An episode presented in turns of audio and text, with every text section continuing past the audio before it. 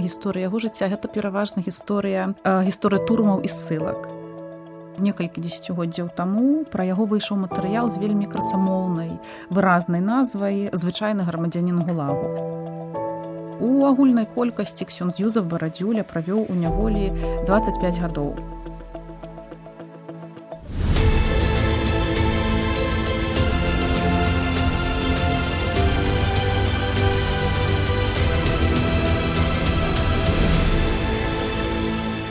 старонкі гісторыі.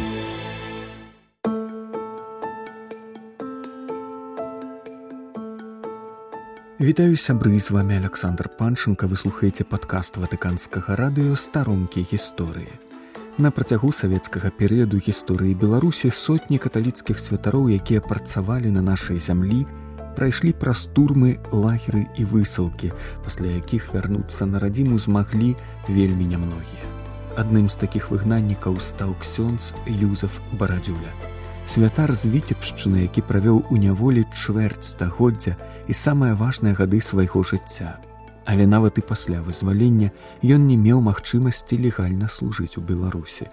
Ён быў вымушаны жыць у рызе і доўгі час займаўся душпастарствам патаемна. Толькі ва ўзросце 85 гадоў камуністычныя ўлады дазволілі яму выконваць абавязкі, як тады гаварылася служыцеля культу. Сёлета выпадае дзве юбілейныя даты, звязаныя з гэтым пастарам: 130 гадоў з дня яго нараджэння і 40 гадоў з дня яго смерці. У сувязі з гэтым па ініцыятыве віцебскай дыяцэзіі з тэрыторыі якой паходзіў ксён з барадзюля было праведзена чарговае даследаванне яго жыццёвага шляху. Яго жыццявіла спадарня Раіса Зянюк, кандыдат гістарычных навук даследчыцца дзейнасці каталіцкіх манаскіх ордэнаў і каталіцкага духавенства на тэрыторыі Беларусі ў 19-20 стагоддзях. Яна распавядзе нам пра жыццё гэтага пастара з віцебшчыны. Вітаю вас спадарня Раіса добрый дзень дзякуй за такую ацэнку гэтай працы. Адразу хочу заўважыць что служыць на тэрыторыі віцебшчыны а дакладней усходняй віцебшчыны ў той час гэта была тэрыторыя магілёўскай архітэцэзіі ксянзу юзафу барадзюлю давялося не вельмі доўга тому что яго жыццё гісторыя яго жыцця гэта пераважна гісторыя гісторыя турмаў і ссылак. І вось у польшчы ўжо некалькі дзесяцігоддзяў таму пра яго выйшаў матэрыял з вельмі красамоўнай выразнай назвай з звычайны грамадзянін гулагу Таму што у агульнай колькасці ксён з юзав барадзюля правёў у няволі 25 гадоў. І гэта больш чым хтосьці з іншых беларускіх святароў. Ён адзін з немногіх каталіцкіх пастараў хто змог выжыць у тых умовах умовах нечалавечых. Ну але сапраўды пасля заканчэння семінарыю петербургу тому што на пачатку два стагоддзя духавенства магілёўскай архідэцэзі атрымлівала адукацыю там а тых хто паходзіў з віленскай дыяцэзіі вучыліся ў вільні. Служыць ён пачаў на віцебшчыне.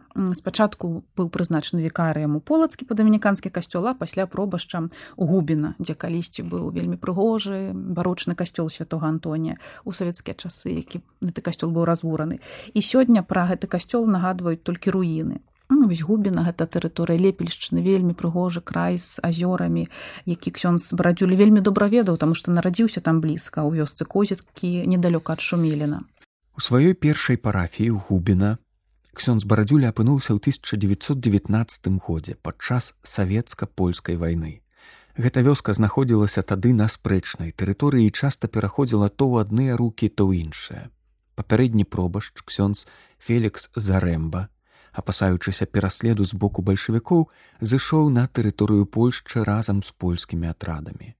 Мясцовы касцёл доўгі час заставаўся без нагляду ксёнз барадзюля прыбыўшы ў вёску атрымаў спадчыну ўжо вельмі разрабаваную святыню. А, так сапраўды ён апісвае вось гэты прыезд у губіна ў сваіх успамінах кажа пра тое што як яму давялося з дапамогай мясцовых жыхароў аднаўляць святыню таму што былі выламаныя дзверы касцёла кнігі рэчы касцёльныя былі параскіданыя гэта была зіма гэта быў снежань. Бацька прывёз ксенза юзафа барадзюлю у губіна на санях і прыехаўшы яны вось убачылі вось гэтую не нерадасную карціну. Святар залез на вежу пачаў званіць у званы пачуўшы гэта папрыходзілі людзі і памагалі дапамагалі наводзіць парадак. Многія прыносілі з хатаў тое што яны змаглі ўратаваць з касцёла харугвы літургічнае адзенне. І такім чынам парафія пачала ізноў дзейнічаць ну але тады яшчэ ішлі баявыя дзеянні і часам раз'язджаючы па навакольных вёсках з сакраментамі для того каб пахрысціць дзяцей ці да хворых святар натыкаўся то на польскі то на рускі караул. І вось яму даводзілася вельмі доўга тлумачыць што ён не шпіён таго ці іншага боку. І калі польскім салдатам гэта як бы патлумачыць было лягчэй то з пасля сустрэч вось з бальшавікамі некалькі разоў ён заставаўся жывым толькі нейкім цудам. Тым не менш ксён з барадзюля змог паслужыць у губіна даязджаючы таксама ў бешанковічы і улу амаль сем гадоў. Ужо затым у яго жыцці пачаўся перыяд амаль няспынных арыштаў і турмаў. Адбыўшы адзін тэрмін зняволення ён станавіўся асуджаным на іншы. Гэта турэмная і лагерная адысея ў яго жыцці цягнулася чвэрць стагоддзя. Яна пачалася з арышту ў 1926 годзе.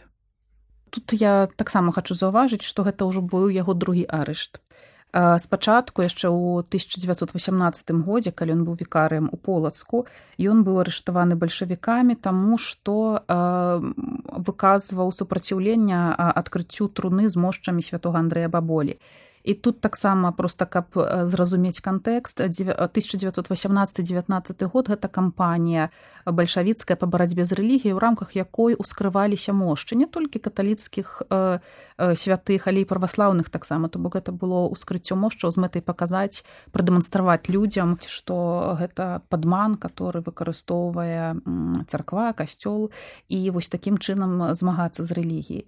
І э, гэта суправаджалася агітацыяй казалі што гэта звычайныя косці якія не вартыя ніякага ушанавання і э, тагачасныя каталіцкія ўлады на чале з біскупам янам цеплякам з дапамогай вернікаў не дазволілі зрабіць вось гэтай прафанацыі першай прафанацыі э, мошчаў святого андрэя баболі у полацку полацкія святары у выніку і каля 80 чалавек вернікаў светецкіх былі арыштаваныя ксёнз барадзюля апынуўся ў турме ў смаленску адкуль прынцыпе досыць хутка праз тры месяцы быў вызвалены і тады ўжо пасля гэтых падзей быў накіраваны ў губіна з другой спробы тым не менш ксён з барадзюля быў арыштаваны. Арыштаваць яго спрабавалі некалькі разоў. Як ён сам успамінаў адпу дасылала да яго правакатара чалавека які быў апранут на польскі манер размаўляў па-польску і казаў што мае да святара нейкую сакрэтную справу.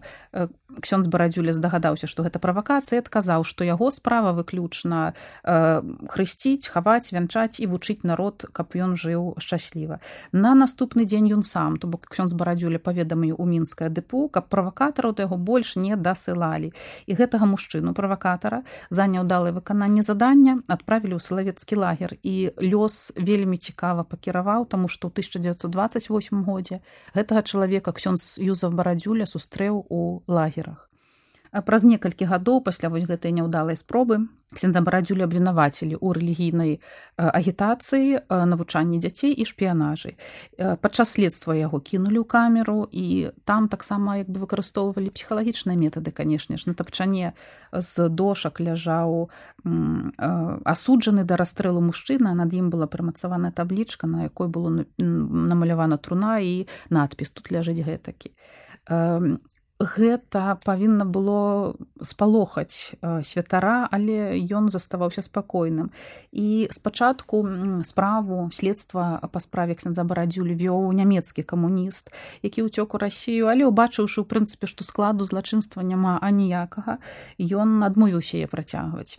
Справу перадалі іншаму следчаму, які выкарыстоўваў ўжо іншыя метады, змог застрашыць губінскага арганіста і э, змусіў яго фальшыва сведчыць супраць ксенза барадзюлі. Пазней вось гэты э, арганіст сам пісьмова прасіў пісаў да ксенза юзафа і піса прасіў яго прабачэння за вось той свой маладушны э, учынак. Вядома, што ксёнз барадзюля віны тады не прызнаў. Супраць яго пачалі выкарыстоўваць іншыя метады. Яго абудзілі ноччу, загадалі выйсці з камеры без рэчаў і ў суправаджэнні чатырох салдат з вінтоўкамі камісара з наганам павезлі на грузавіку у сасновы лес у 10 кіламетрах ад мінску. дзе далі рыдлёўку і загадалі капаць сабе магілу.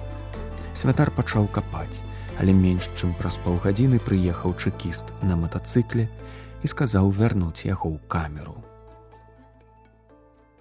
так яго э, вярнулі ў мінскую турму і пачалі ціснуць на яго сялянскае паходжанне і спрабавалі вось такім чынам схіліць да супрацоўніцтва нагадвалі што продкі яго былі прыгоннымі а палякі зараз пагражаюць савецкай э, дзяржаве.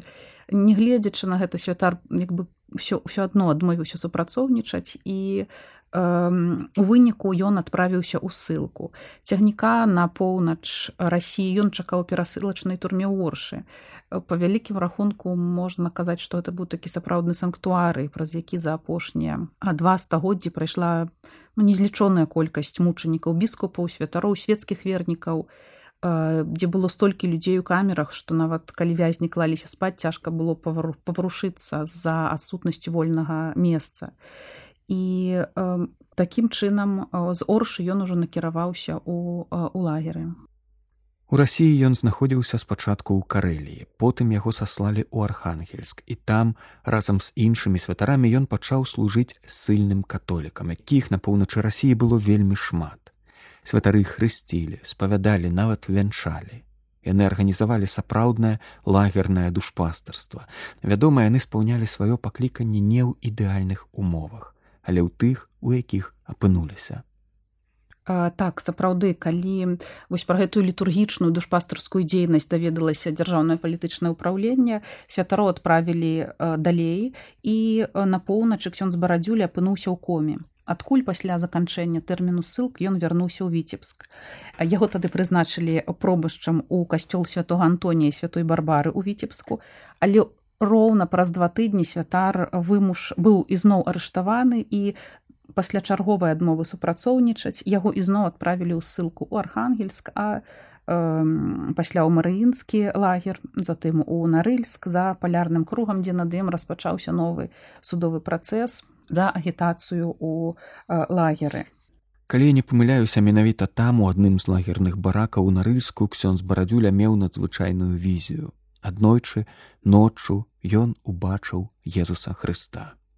У сваіх успамінах ён піша пра вось гэтую візію Езуса піша пра тое, што аднойчы ноччу гэта быў травень 1938 года ён убачыў, як Езус Хрыстус схіліўшыся над ім з такога як бы абраза у круглай раме выразна яму прамовіў злітуюся над табою злітуюся над табою і што вельмі цікава што уж праз 20 гадоў пасля этого у 1958 годзе ксён юзаф ужо у латвіі сустрэў гэты абраз які з таго часу знаходзіўся ў яго у яго персанальнай капліцы дома у рызе. Такім чынам можна сказаць што вось гэтая як бы візія яна мела свой працяг мела сваё мела свой вынік.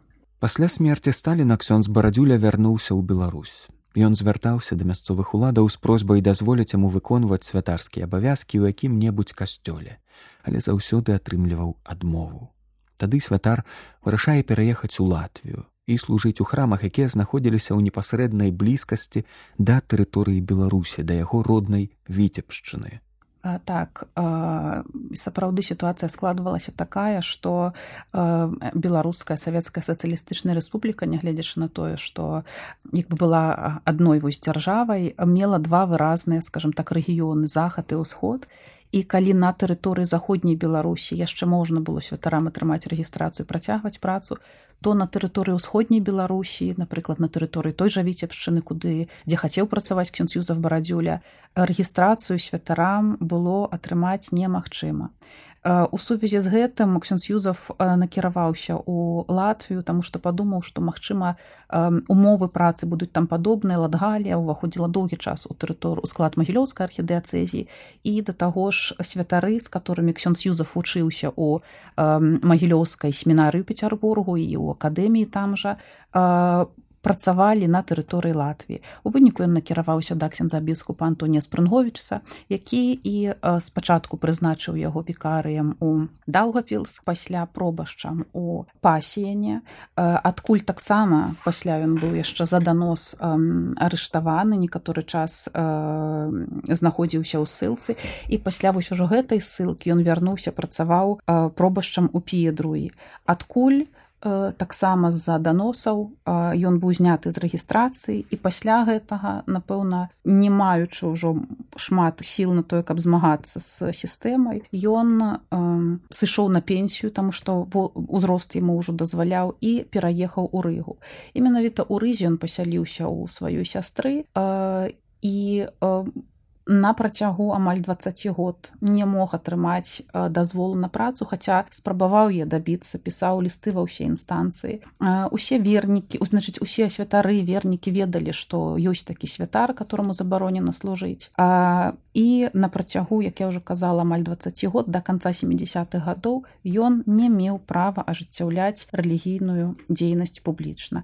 Маліўся і адпраўляў імшу ў сваёй прыватнай каплічцы ў сябе дома або як успамінаюць людзі гэты на той час ужо сівы старац з доўгай барадой займаўся душпастарствам патаемна часам нават наведваючы і беларускія вёскі. Ён нярэдка праводзіў набажэнствы ў вясковых хатах або непрыкметна ўваходзіў у касцёл зачыняўся ў канфесіянале і спавядаў людзей так сапраўды ёсць такія ўспаміны а вот яго пра яго такую тайную рэлігійную дзейнасць. Таксама тайна канешне ж ён удзяляў шлюб ён спавядаў адпраўляў іншы канешне ж таксама вельмі цікавы накірунак яго дзейнасці. Ён у сваім гэтым маленькім доміку збіраў пасылкі для тых святароў якія яшчэ дапусцім былі асуджаныя ў той перыяд і адпраўляў адпраўлялі іх вось на знак такой дапамогі. Таму што падчас свайго знаходжання ў лагерах ён вельмі моцна напэўна дасведчываць такой дапамогі з боку іншых людзей таму я думаю што вось э, будучы ўжо сам сам на свабодзе хацеў такім чынам адудзячыцца і э, дапамагчы іншым Ксёнз Юзаф атрымаў дазвол ад уладаў на выкананне святарскіх абавязкаў у вельмі вельмі сталым узросце толькі ў 85 гадоў. Вельмі цікавая вельмі цікавы ёсць успамін пра гэта згадвае яго пляменніца Ірына Адамаўна барадзюля, дачка яго рэпрэсаванага роднага брата Адама. Яна кажа пра тое, што э, дядзя згадваў э, дядзя казаў, э, мяне пасадзілі калі мне было 30 а выйшаў я калі мне было 60 мне забралі 30 год жыцця напэўна я пражыву до 90 і вось ён дажыў до 90 год і праз месяц пасля нараджэння пасля дня нараджэння памёр так што вельмі цікавая вось яго так таксама такі падыход да вось гэтай сітуацыі вось такой да, да, да яго жыцця У гістарыяграфіі ксенза Юзафа барадзюлю нярэдка прадстаўляюць такім свядомым беларускім святаром, які садзейнічаў беларусізацыі касцёла. Ці сапраўды гэта так? Дзякуй за пытанне, яно вельмі важнае, таму што сапраўды так склалася вось неяк гістарычна гістарыяграфічна што постаць ксенза барадзюлі амаль як бы прыраўніваецца да як бы беларускага руху. І тут я хацела б э, сказаць што Э, беларускасць выявіла сфарміравала у ксенза барадзюлі хутчэй за ўсё навучанне ў магілёўскай семінарыі якая дзейнічала ў пецярбургу і у пецярбургскай духоўнай акадэміі да часу я закрыцця. Перадусім тут хочу адзначыць што э, магілёўская семінарыя гэта была навучальная установа поліэтнічная. Там адна з самых э, поліэтнічных навучальных устаноў напэўна у той час. Там вучыліся палякі латышы беларусы літоўцы рускія.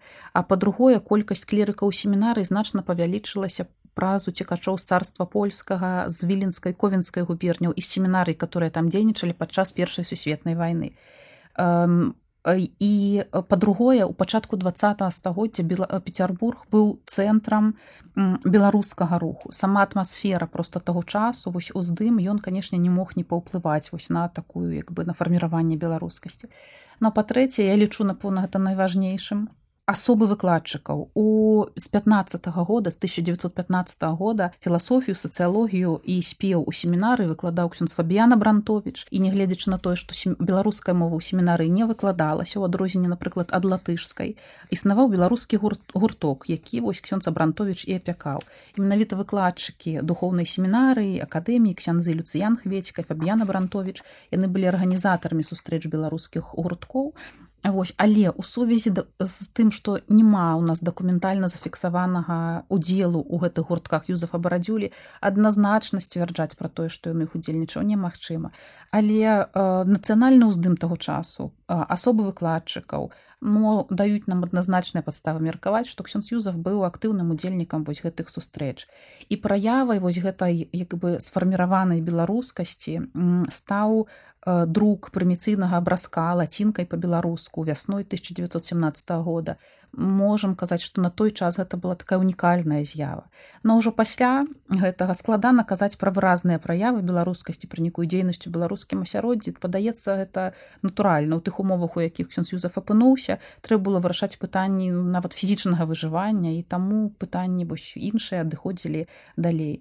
Ну, пасля ўжо ў сталым узросце у размовах з ксяндзом раманам званкоўскім ксёнд юза барадзюля казаў пра сябе што ён альбо беларус польскай культуры альбо ліцвін польскай культуры вось такім чынам падкрэсліваючы як бы сваю нацыянальную самасвядомасць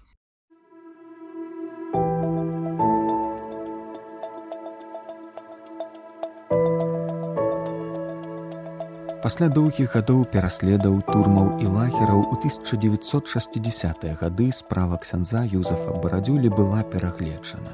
Савецкія ўлады прызналі, што ён быў асуджаны і пазбаўлены свабоды незаконна.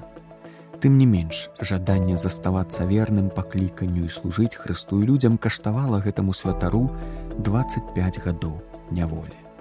Аднак ён паказаў, што маючы пана ў сэрцы не страшныя ніякія выпрабаванні.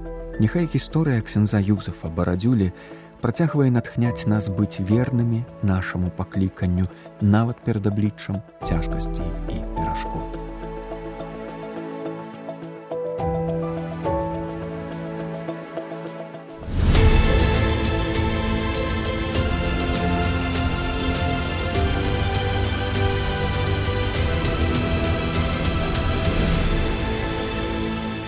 Старонкі гісторыі.